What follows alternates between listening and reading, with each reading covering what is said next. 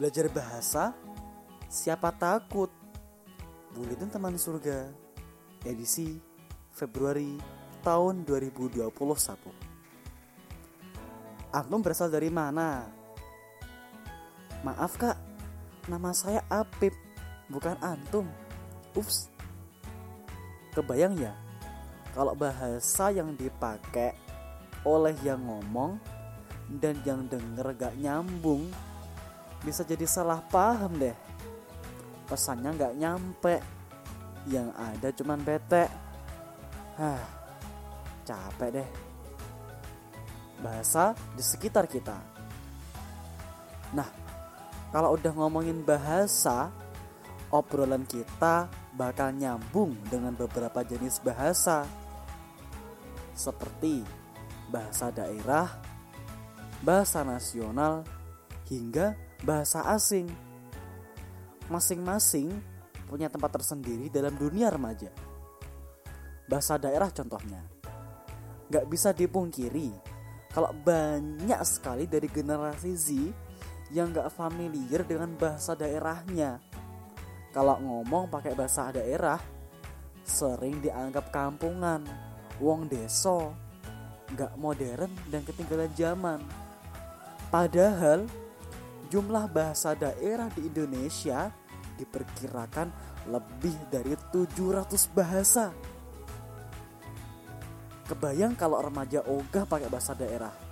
Bisa berujung punahnya bahasa daerah lah. Uh, aduh, aduh.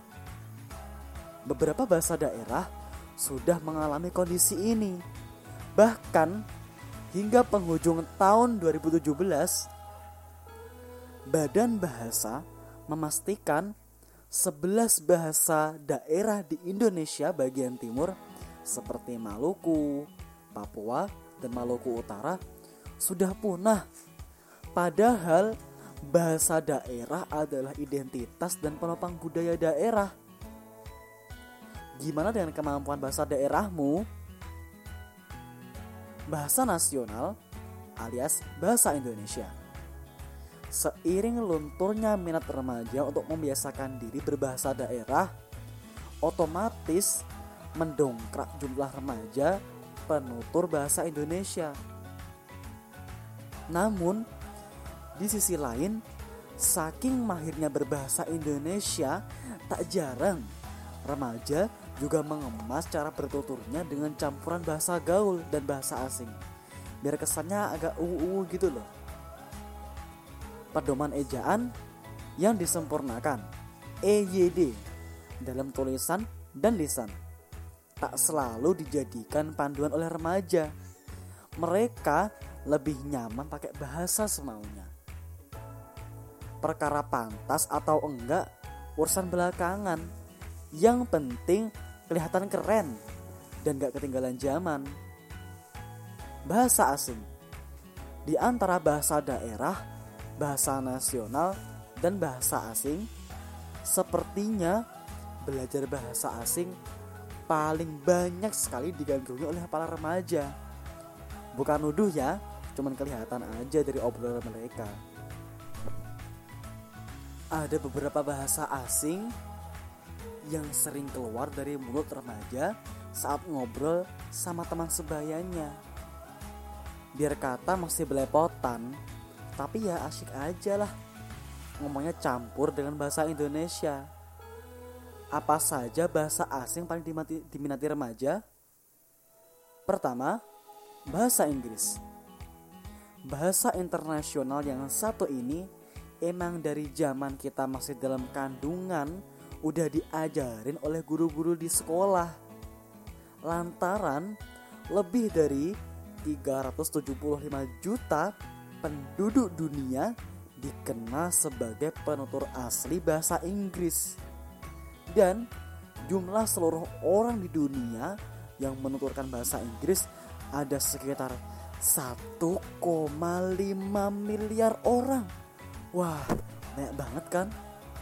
Gak heran kalau bahasanya Mr. Bean ini didaulat sebagai bahasa ibu internet dan teknologi komputer yang telah diakui juga secara global. Apalagi bahasa Inggris juga menjadi bahasa resmi negara Amerika Serikat, Inggris, dan Kanada.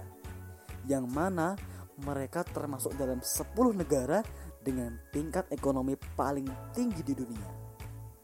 Yang kedua adalah bahasa Jepang. Bahasa Nobita dan Doraemon ini banyak sekali digandrungi oleh para remaja lantaran gencarnya anime dan manga yang membanjiri tontonan remaja dalam negeri dari eranya Kapten Tsubasa, Naruto, Pokemon, Dragon Ball hingga komik Kung Fu Boy atau One Piece. Semuanya bikin remaja kepincut pengen ngerti dan bisa ngomong bahasa Jepang. Yang ketiga, bahasa Korea. Seperti hanya bahasa Jepang, ketertarikan remaja untuk belajar bahasa Korea banyak sekali dipengaruhi oleh Korean Wave, K-Wave, alias gelombang budaya Korea yang membanjiri informasi media remaja. Dari mulai drama Korea, K-pop, hingga budaya kuliner dan tren fashionnya. Walhasil, remaja pengen bisa ngomong Korea meski cuman kata sarangeo atau kamsamida. Gak ketinggalan tulisan bahasa Korea alias hello juga asyik dipelajari. Kalau bisa nulis dan paham artinya, bangga banget deh. Karena teman yang lain gak ngerti. Serasa hebat gitulah. Keempat adalah bahasa Arab. Nah, kalau yang ini makin diminati remaja seiring makin ramainya fenomena hijrah di kalangan generasi milenial. Mereka kembali pada Islam dengan membenahi semua sisi hidupnya, dari mulai penampilan, pergaulan, tutur kata, perilaku, ibadah, dan gaya bahasa. Apalagi bahasa Arab ini dikenal dengan doa dan bacaan sholat yang sering dilafatkan saat menunaikan ibadah wajib. Otomatis ya, tuntutan untuk belajar bahasa Arab makin menguat dari mulai percakapan, muhadatsah, ilmu nahwu, sorof, cara membaca kitab gundul, menerjemahkannya hingga cara menuliskannya. Wah, pokoknya lengkap deh. Pentingnya belajar bahasa asing. Selagi masih remaja, kita berpeluang besar untuk terus mengasah kemampuan bahasa asing sampai fasih. Lantas, apa sih pentingnya kita belajar bahasa asing? Yang pertama, menunjang pergaulan. Seiring dengan perkembangannya dunia informasi nih, begitu mudahnya kita dapat mengakses budaya dari luar. Malah nggak perlu kita jemput budaya luar itu udah nyamperin deh melalui tayangan media massa dan sebaran info di dalam genggaman tangan. Mau nggak mau, kita mesti belajar bahasa asing biar tahu budaya luar itu baik atau buruk untuk kita. Gak mesti jadi ahli bahasa. Yang penting kita paham asal usul budayanya biar kita bisa bijak mensikapinya kalau gak sesuai dengan identitas keislaman kita seperti budaya Valentinan mesti kita harus menolak. Karena urusannya bukan cuma kebiasaan aja tapi dari asal usulnya sudah bagian dari ritual keagamaan. Yang kedua persiapan untuk masa depan. Selain budaya sebaran teknologi informasi dengan segudang kecanggihannya yang sangat cepat sekali, makin hari kerjaannya kita makin dimanjakan dengan kemudahan yang ditawarkan oleh teknologi teranyar yang sumbernya berasal dari hasil riset ilmuwan asing di negerinya masing-masing. Ke depannya, kalau kita punya cita-cita belajar di luar negeri dan menggeluti dunia teknologi dengan segala perkembangan tentu harus didukung dengan kemampuan kita dalam berbahasa asing. terutama nih bahasa Inggris, Korea, atau Jepang. Tempat tumbuh suburnya perkembangan teknologi kekinian. Yang ketiga, menambah keilmuan. Sumber ilmu pengetahuan tak hanya berasal dari bahasa nasional yang kita kuasai. Tak jarang kita perlu referensi buku-buku terbitan luar negeri yang syarat dengan keilmuan. Makanya, belajar bahasa asing bisa membantu kita dalam menambah wawasan dan ilmu pengetahuan. Bukan untuk pamer kepintaran ya, tapi nambah kapasitas ilmu biar kelak kita bisa menjadi orang yang bermanfaat bagi masyarakat, negara, dan agama. So, apa pun alasan kamu, mulailah belajar bahasa asing. Bukan cuma hafal bahasa gaul atau lagu TikTok yang lagi trending. Biar kehidupan kita makin amazing. Remaja muslim wajib belajar bahasa Arab. Di antara empat bahasa asing yang digandrungi oleh remaja kita nih nyaranin bahasa Arab mesti kita pelajari apa pasalnya yang terpenting karena kita nih ya seorang muslim dan bahasa Arab tak bisa dipisahkan dari ajaran Islam terlebih lagi Rasulullah Shallallahu Alaihi Wasallam meninggalkan panduan hidup bagi kita biar selamat dunia akhirat. Sebagaimana disampaikan sabda beliau, Aku tinggalkan sesuatu bersama kalian.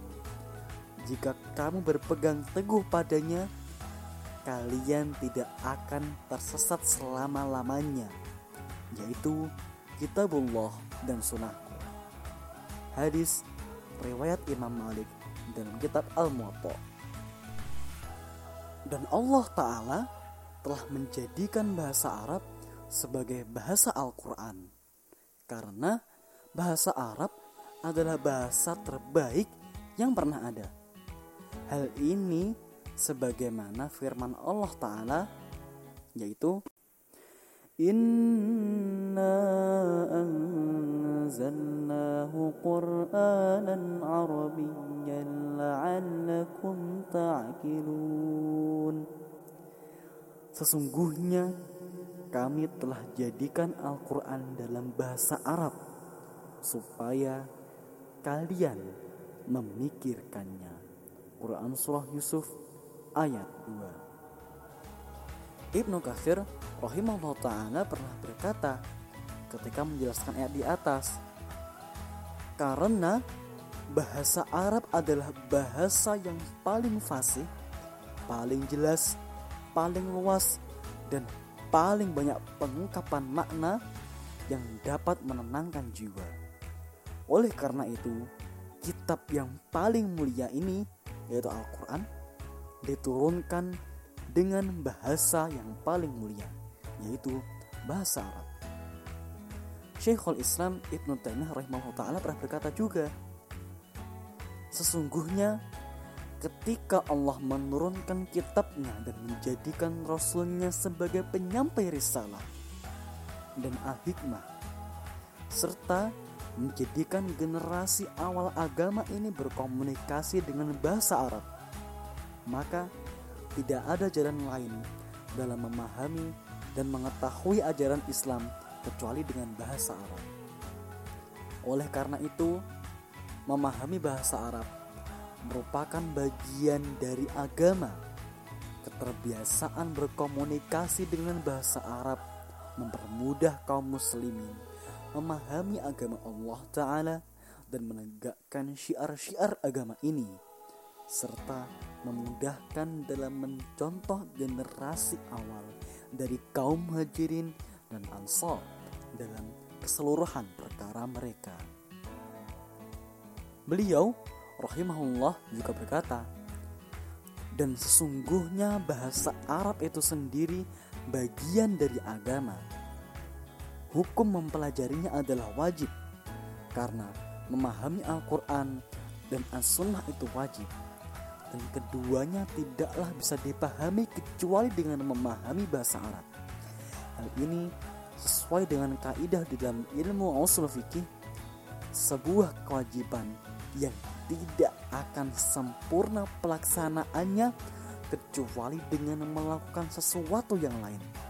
Maka sesuatu yang lain tersebut hukumnya juga menjadi wajib. Namun di sana ada bagian dari bahasa Arab yang wajib ain dan ada yang wajib kifayah.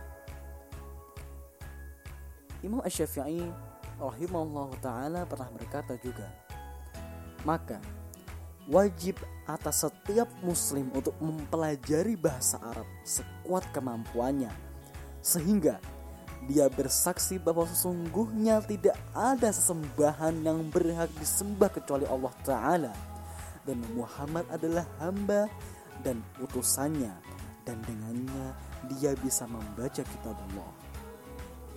Tuh kan, kita sebagai seorang muslim wajib hukumnya mencintai bahasa Arab dan berusaha menguasainya. Kebayang nggak kalau kita buta aksara bahasa Arab? Gimana kita bisa memahami panduan hidup yang Rasulullah tinggalkan untuk kebaikan kita?